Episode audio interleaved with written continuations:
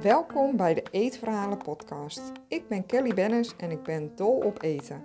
In mijn podcast deel ik verhalen over lekker eten, vooral in Servië, en ik laat je de kant achter eten zien, de psychologie van eten. Dit is deel 3 van de serie Armchair Traveling. Even wegdromen vanuit je eigen huis. Doen alsof je op reis bent. Laat je meevoeren met mijn verhaal. Dit keer vertel ik over Thailand. De eerdere afleveringen gingen over Servië en Suriname in Paramaribo. Ja, reizen fascineert mij. Het maakt me zo blij. Het, ja, ik vind het zo inspirerend. En ik heb het al als ik in Amsterdam ben. Even een andere omgeving.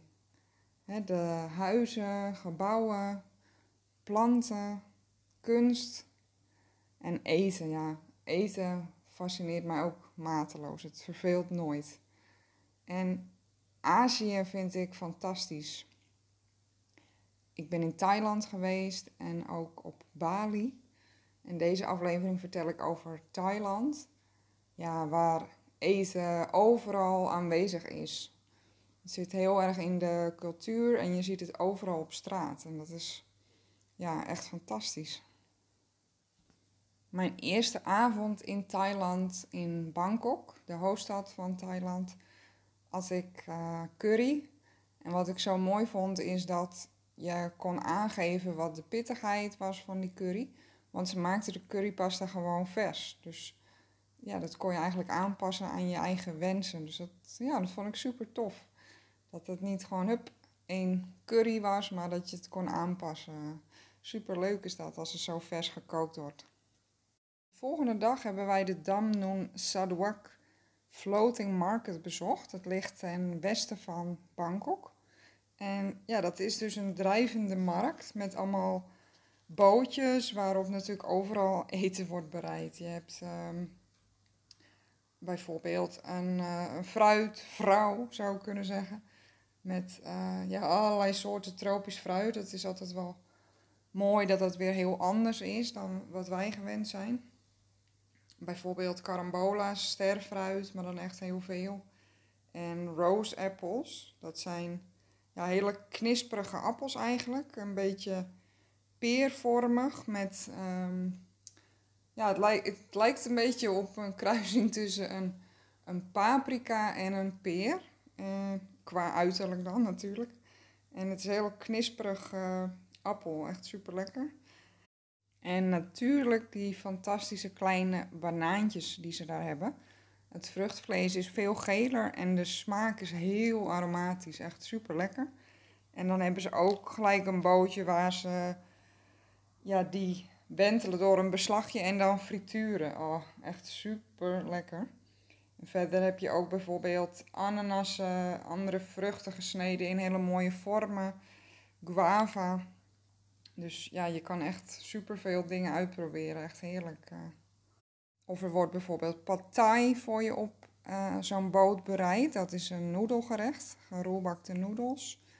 Met uh, pinda's ook en bosui en bijvoorbeeld noedelsoep. En een deel van de route kijk je eigenlijk vanaf de kant en komen de bootjes langs. En je kan bijvoorbeeld ook, als je in de boot zit, ook dingen kopen of bestellen. De reis die ik maakte in Thailand was een hele bijzondere.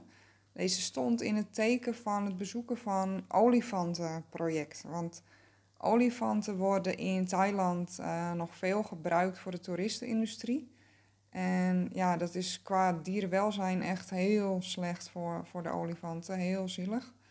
En er zijn gelukkig heel veel mooie projecten die de olifanten weer ja, een beetje leven geven. Dus dat ze weer een beetje vrij kunnen leven. En wij hebben meerdere van die projecten bezocht. En onder andere Antoinette van der Water. Zij is Nederlands en zij woont in Thailand. En zij heeft uh, Bring the Elephant Home. Hele mooie projecten zet zij op. Zij koopt bijvoorbeeld uh, voormalige circusolifanten op en brengt ze dan naar een mooi park waar ze weer lekker olifant kunnen zijn. En dat was echt super bijzonder om mee te maken. En zo hebben we bijvoorbeeld uh, suikerriet gekapt voor de olifanten om te eten en geholpen op een eiland bananenbomen te planten. En daar konden de olifanten dan omheen leven, zeg maar. En ja, dat was ook een hele mooie combinatie, want dan kregen de mensen daar inkomsten via de toeristenindustrie. En dan konden ze op die manier de olifanten verzorgen en onderhouden, maar ja, op een andere manier. Dus niet meer uh, met uitbuiting van olifanten. Wat ook wel heel grappig was, uh, is om de voorkeur van de olifant voor bepaald voedsel te merken. Want dan waren we ze lekker suikerriet aan het voeren. Maar zodra ik met banaantjes kwam, dan werden die ogen groot. Lieten ze het suikerriet vallen en huppa, banaan. Lekker, kom maar hier met die banaan. ja, dus dat was heel leuk om mee te maken. Naast al dat tropische fruit en ja, eigenlijk de in Nederland ook wel bekende roerbakgerechten met hè, die noedels, de patay die ik omschreef en de curry, zijn de desserts en de ja, zoete snacks heel opvallend, vind ik dat in Thailand. Je komt die bijvoorbeeld tegen in restaurants of op avondmarkten of op markten. En ja, het is heel divers, maar wat er onder andere in gebruikt wordt, zijn taro, dat is een wortelgroente, pompoen, waterkastanjes. En waterkastanjes, dat is een uh, waterplant. Uh, cassave wordt er gebruikt, kokos, ook weer de tropische fruit natuurlijk, zoals mango en banaan. En ook sticky rice, dus kleefrijst. En daar worden allerlei ja, kunstwerkjes van gemaakt eigenlijk. En dat ziet er echt super gaaf uit uh, ja, voor op de foto. En ik zal een aantal voorbeelden geven. Je hebt één gerecht dat heet Red Rubies. Dus hè, het wordt een beetje ja, gedaan alsof het robijntjes zijn. Toeptim grob heet dat. En dat zijn die waterkastanjes. Die worden rood gekleurd. En de uitvoering verschilt een beetje, maar het wordt op uh, ijs geserveerd. Dus gecrushed ijs eigenlijk. En dan geserveerd met zoete kokosmelk en soms ook een siroop van jasmijnbloemen of pandan. Wat je ook heel veel ziet zijn verschillende soorten jellies of cakejes die zijn gestoomd. In ja, werkelijk alle kleuren van de regenboog. En die worden bijvoorbeeld gemaakt met rijstmeel of ook weer taro uh, meel of tapioca. Dat wordt gemaakt van uh, cassave. En ja, dat kunnen zowel blokjes zijn, maar ik heb ook een keer in een restaurant gehad dat het in, in sliertjes wordt geserveerd op een bord met allerlei andere mooie vormpjes ook.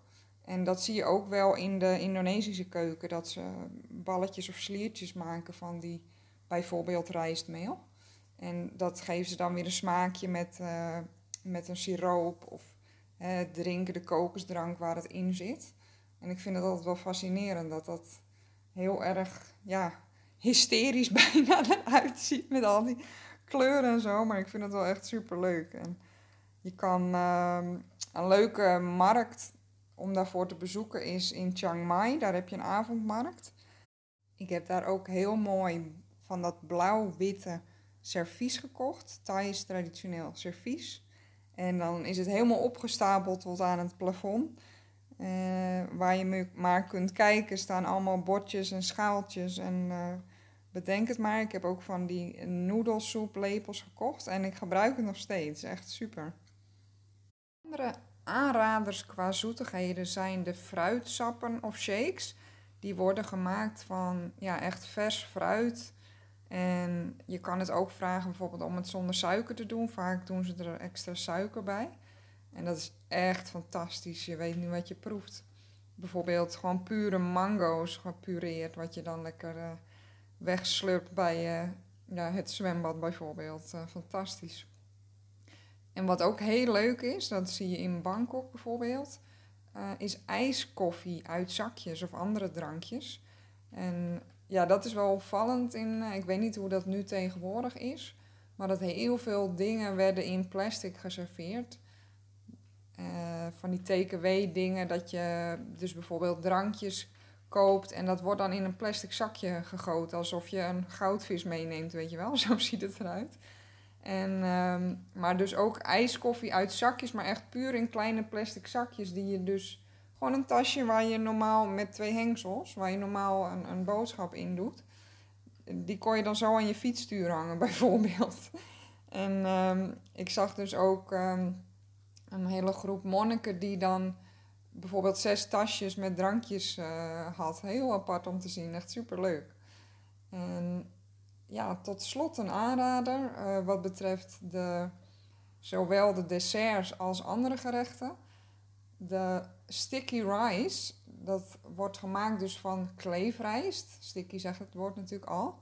En dat kan zijn gewoon witte rijst, maar vaak wordt het gecombineerd. Dan heb je een beetje donkerbruine rijst en wit.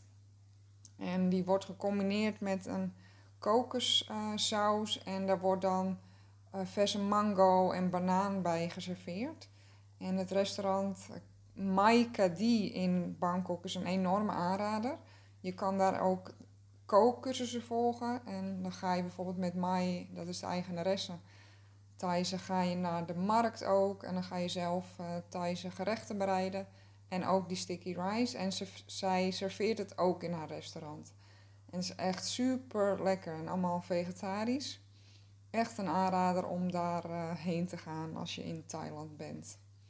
Nou, ik hoop dat je lekker hebt weg kunnen dromen naar de Thaise heerlijkheden in Thailand en uh, in Bangkok in de stad. En uh, ja, dat je daar ook een keertje heen gaat om dat allemaal mee te maken. Laat het me weten dan als je geweest bent. En, of stel dat jij al geweest bent, uh, dan hoor ik ook heel graag van jouw ervaring in Thailand. Super leuk. Bedankt weer voor het luisteren en tot de volgende aflevering.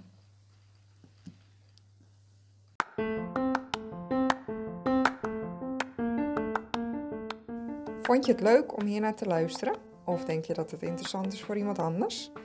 Deel mijn podcast, bijvoorbeeld met een screenshot op Instagram en een tag naar mijn account. Alvast super bedankt. Je kunt me bereiken via kellybennis.nl en daar vind je ook mijn social media kanalen. Heb je een vraag of een verzoek voor een bepaalde aflevering? Laat het me weten. Dat vind ik echt super leuk als jij ook je input geeft. Tot de volgende aflevering.